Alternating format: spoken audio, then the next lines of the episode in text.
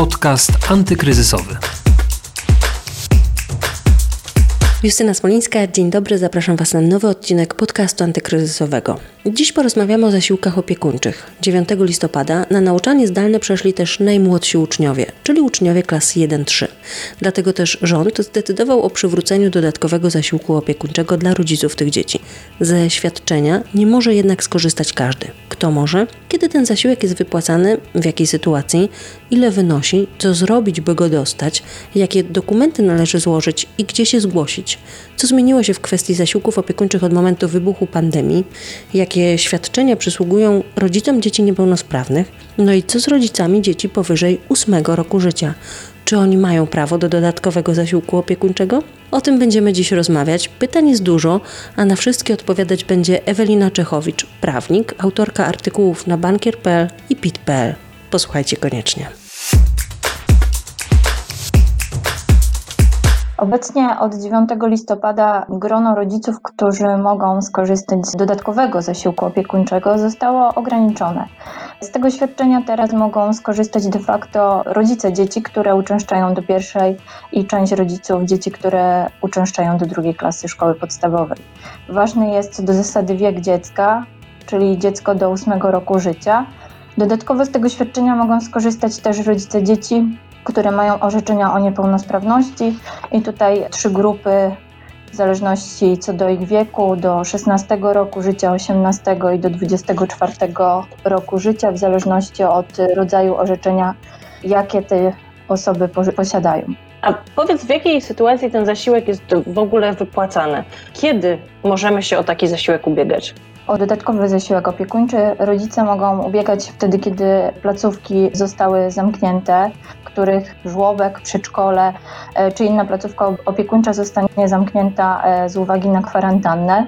Wyłączeniem są też, i o tym wyłączeniu myślę warto pamiętać, rodzice, którzy są medykami bądź funkcjonariuszami i walczą z COVID, bo dla tych rodziców placówki wychowawcze muszą zapewnić działalność świetlic, które zapewnią opiekę i będą świadczyć zajęcia opiekuńcze dla tych dzieci w czasie, kiedy ci rodzice będą pracować.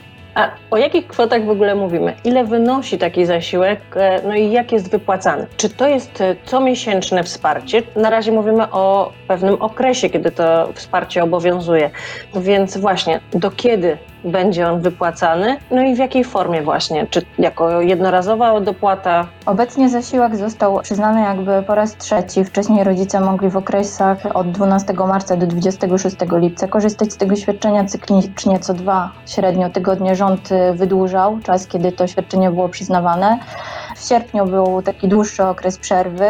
W okresie od 1 września do 20 września rodzice znów mogli korzystać ze świadczenia i teraz rząd zdecydował, że świadczenie zostanie przyznane na okres od 9 do 29 e, listopada. I tutaj co do wysokości świadczenia ważna jest podstawa wynagrodzenia, jakie rodzic pobiera. To jest 80% e, podstawy wynagrodzenia liczone ze średniej z 12 miesięcy. Co ważne, mhm. to świadczenie w całości finansuje ZUS, więc tutaj nie pracodawca ponosi ciężar, chociaż są pracodawcy, którzy to świadczenie wypłacają dla rodziców. Z uwagi na wielkość zakładów, wtedy oni sobie odliczają swoje składki do ZUS-u, pomniejszają o te świadczenia wypłacane dla rodzica. Więc część rodziców dostanie to świadczenie bezpośrednio z ZUS, część natomiast dostanie od swojego pracodawcy, tak jak wypłatę, tylko pomniejszoną o te 20%. A jak w takim razie uzyskać e, taki dodatkowy zasiłek opiekuńczy? Co trzeba zrobić, żeby go dostać? Czy on jest przyznawany z automatu, czy musimy coś zrobić, żeby go dostać? Zasiłek e, otrzymuje rodzic, który składa wniosek e, o to świadczenie w zależności od tego, czy jest to pracownik ubezpieczony, czy przedsiębiorca, będą dwie drogi. Pracownik złoży oświadczenie czy wniosek o zasiłek swojemu pracodawcy, natomiast przedsiębiorca zawnioskuje bezpośrednio do ZUS. Najlepiej i najprościej obecnie w czasie pandemii zrobić to za pośrednictwem PUE ZUS to nie jest już pierwsza transza, kiedy ten zasiłek e, jest przyznawany. Więc powiedz, czy coś się zmieniło w kwestii tych dodatkowych e, zasiłków opiekuńczych od momentu wybuchu pandemii? Czy zmieniły się przepisy od czasu wypłacania tych zasiłków na wiosnę? Jeśli tak, no to jak? Przepisy zmieniały się i były modyfikowane przez rząd już kilka razy. Mieliśmy tą najszerszy okres, kiedy rodzice mogli wnioskować o świadczenie w okresie od 12 marca do 26 lipca. Tu rodzice mieli dobrowolność, mogli zdecydować, czy dziecko zostaje w domu, czy posyłają je do placówki wtedy, kiedy ona była otwarta ale modyfikacja wrześniowa spowodowała, że rząd zdecydował, że zasiłek będzie przyznawany tylko w momencie, kiedy placówki zostaną zamknięte, a teraz ostatnio jesienią i ta transza listopadowych zasiłków e, jest wypłacana w tej ograniczonej formie. W momencie, kiedy placówka jest zamknięta, uczniowie zostali skierowani na e, kwarantannę bądź wychowankowie żłobków czy przedszkoli. A o czym przede wszystkim rodzice powinni pamiętać, jeśli chodzi o ten dodatkowy zasiłek opiekuńczy? Co jest taką najważniejszą informacją dla nich? Przede wszystkim w zakresie uprawnienia trzeba poinformować swojego pracodawcę o chęci korzystania z tego zasiłku, tak, i o zawnioskowania o ten zasiłek. W różnych zakładach pracy różnie są naliczane pensje. Warto zadbać o to, żeby poinformować pracodawcę, złożyć e, szybko taki wniosek o dni, kiedy chcemy skorzystać z tego zasiłku, żeby zachować choćby płynność w wypłatach tych świadczeń. I trzeba pamiętać, że też nie, nie zawsze można skorzystać z tego świadczenia, bo jest ono ograniczone. Tak? Są sytuacje, kiedy nie można korzystać ze świadczenia. Ze świadczenia może korzystać tylko jeden rodzic, ale w momencie, kiedy nie ma osoby, która mogłaby zapewnić opiekę dziecku, tak? Więc w momencie, kiedy na przykład drugi rodzic jest bezrobotny, przebywa na urlopie wychowawczym bądź rodzicielskim, drugi rodzic z tego świadczenia nie może skorzystać. No właśnie, co z dziećmi powyżej ósmego roku życia? Bo rodziców tych dzieci już ten zasiłek dodatkowy opiekuńczy nie obejmuje.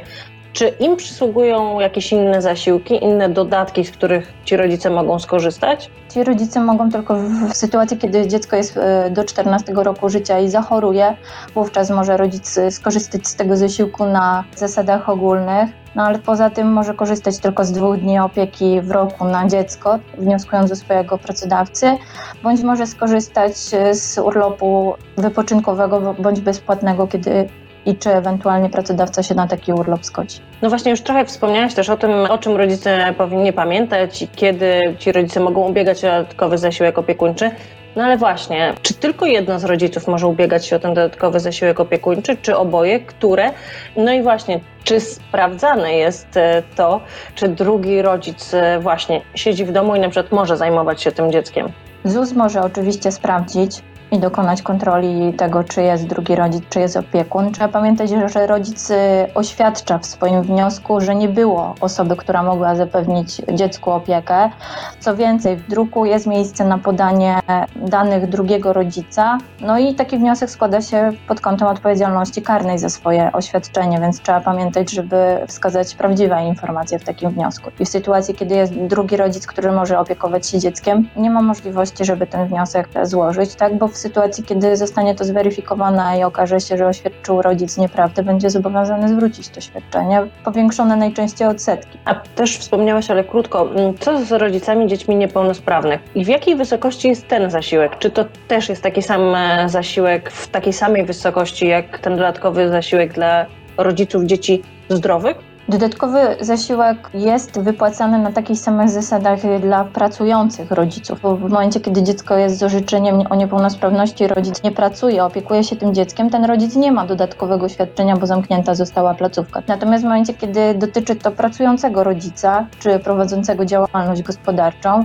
a ma w domu dziecko, które ma orzeczenie o niepełnosprawności bądź zaświadczenia o tym, że wymaga kształcenia specjalnego, wówczas ten rodzic może wnioskować na takich samych zasadach jak rodzice dzieci do ósmego roku życia o dodatkowy zasiłek opiekuńczy. Trzeba pamiętać, że ten zasiłek też nie wlicza się do tych 60 dni w roku, które ustawodawca rodzicom przyznał, ale tutaj co do wysokości, no to dalej zostaje to 80% podstawy wynagrodzenia czy to dziecko do ósmego roku życia, czy to dziecko przedsiębiorcy, czy to dziecko rodzica, które ma dziecko z niepełnosprawnością. A powiedz jeszcze na koniec, kiedy możemy ubiegać się o taki zasiłek, to znaczy do kiedy właściwie?